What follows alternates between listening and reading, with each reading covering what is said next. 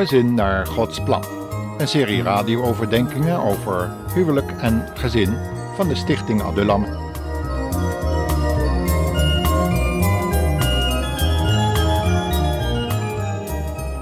Het thema voor vandaag is afgoderij en bedrog in huwelijk en gezin. En is genomen uit de geschiedenis van Jacob in Genesis 27 tot 34.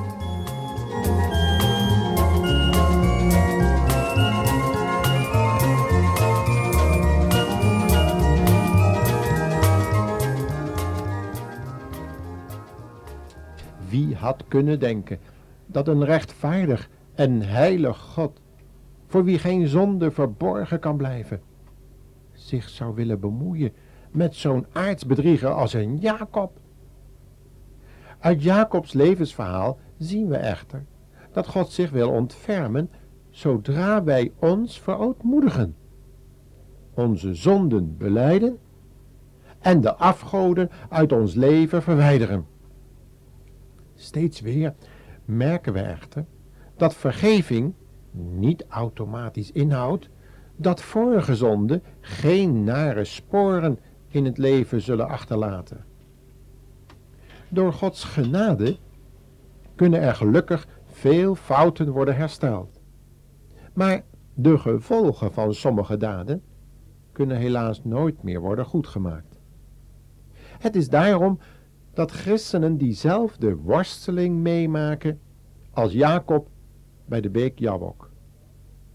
Wanneer God een leven vol afgoderij, vroom bedrog, huichelarij en jaloezie wil reinigen, stuurt hij ook op ons pad een engel, die met ons worstelt, totdat wij helemaal aan God overgeven en de afgoden wegdoen.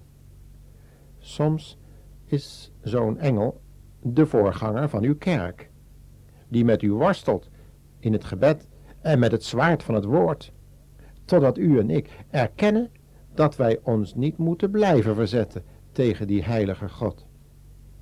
Spoedig zal het ook voor ons licht worden aan de horizon, door de komst van onze Heer Jezus.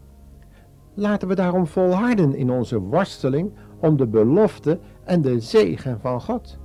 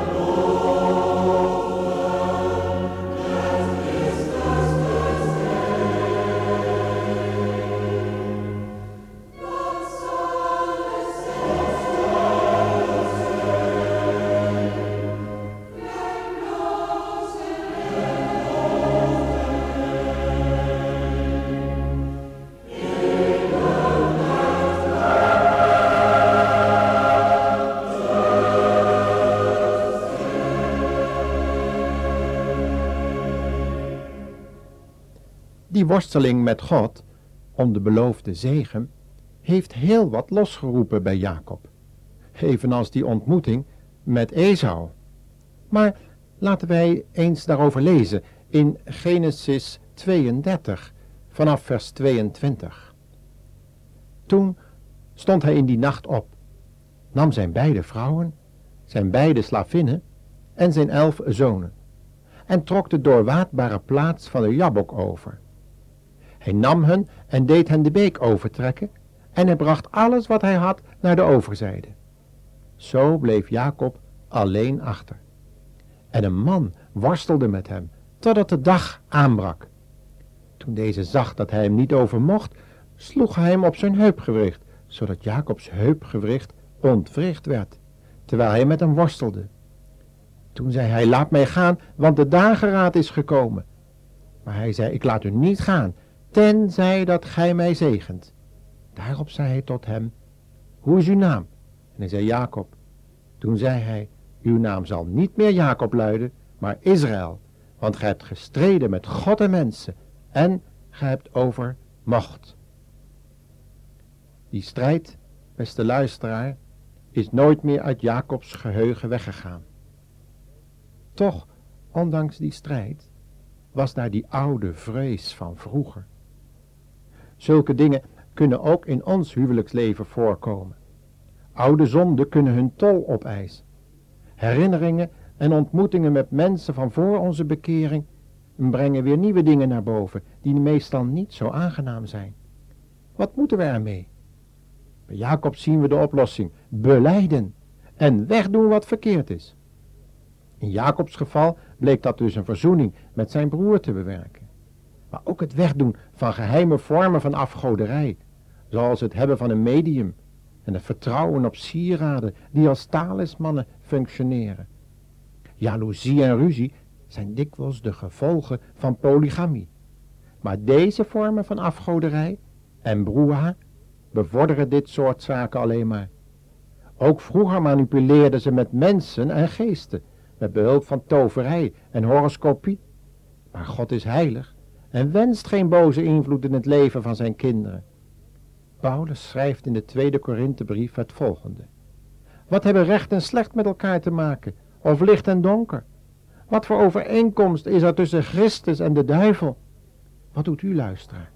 Kiest u, kies jij, voor of tegen zijn liefde?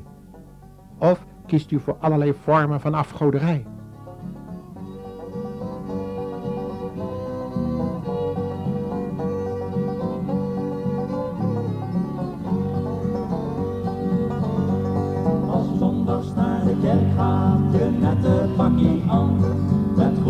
Goed gepoetste schoenen en je luistert naar de man die voorleest uit de Bijbel. Zeg luister goed naar hem. Hij spreekt van Jezus Christus, die kwam uit Bethlehem. Want de liefde van de Heer, die voel je telkens weer. Die vult echt heel je leven, als je hem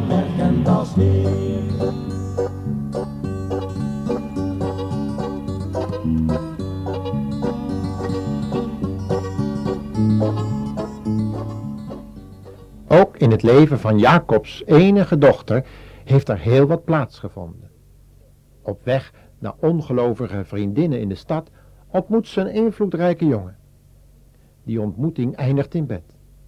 Maar ook in een afschuwelijke vorm van vrome huichelarij en rituele moord. Wat was er gebeurd? Jacob had besloten tot een gedwongen huwelijk. Onder voorwaarde dat de hele mannelijke aanstaande schoonfamilie zich liet besnijden. Maar gebeurt dat tegenwoordig ook niet? Zij het dan in een andere, modernere vorm? Soms worden ongelovige mensen gedwongen de godsdienst van de gelovige partner over te nemen. Zodat men dan toch maar kan trouwen in de kerk, al was er sprake van onrein gedrag. Maar God haat deze vorm van huichelarij en vroom bedrog. Het gaat mis. Wat een ernstige gevolgen kunnen er zijn wanneer onze kinderen menen hun eigen leven wel te kunnen leiden, zonder eerst God en de ouders te raadplegen. We kunnen persoonlijk wel terugkeren tot de plaats waar we voor het eerst God ontmoet hebben en ons bekeerden. Maar hoe staat het met onze kinderen? Kiezen ze voor of tegen de Heer Jezus? Geven God ook hen zijn genade. En jij, jonge luisteraar, heb jij gekozen tegen God en je geweten, omdat je zonde in je leven hebt toegelaten? Luister dan wat deze jonge mensen je toezingen. Maar beste vriend, denk nuchter na. Wees niet zinder ogen blind, maar lees de Bijbel erop na.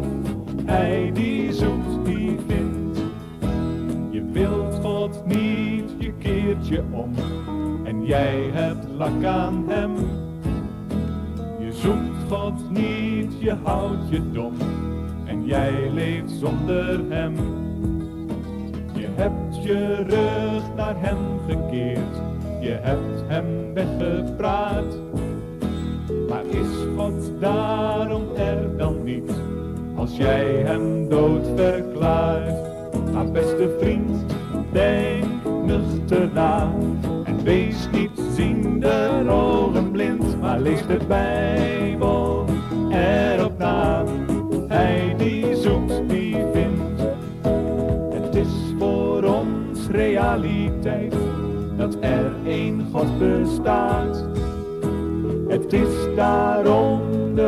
hoogste tijd dat jij geloven gaat. God heeft je lief, hij geeft om jou. Zeg niet, ik zie nog wel. Je leven staat nu op het spel, de hemel of de hel. Maar beste vriend, denk nuchter na. En wees niet ziende ogen blind, maar lees de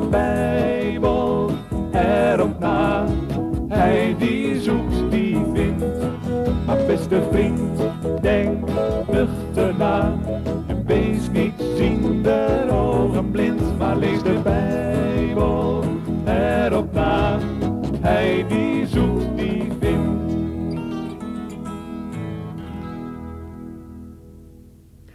Hoe zou God op dit alles reageren?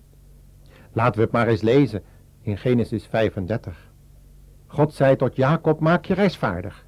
Trek naar Bethel en blijf daar. Richt er een altaar op voor die God die je verschenen is toen je vluchtte voor je broer Esau.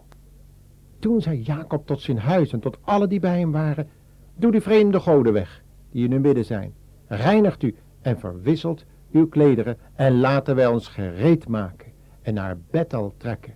Daar zal ik een altaar oprichten voor die God die mij geantwoord heeft op de dag van mijn benauwdheid en al die tijd bij mij is geweest.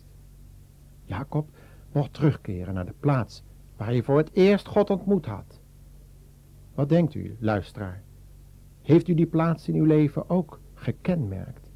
Weet u wanneer u tot bekering bent gekomen? Luisteraar, kent u het altaar, door de profeet Malachi de tafel van de Heer genoemd? Voldoet u reeds aan het verzoek van de Heer Jezus om zijn dood te verkondigen door het brood te breken en de wijn te drinken aan zijn tafel, totdat hij terugkomt? Of moet er nog afgoden worden weggedaan? Doe dat dan nu, luisteraar, zoals Jacob, en begin een nieuw leven.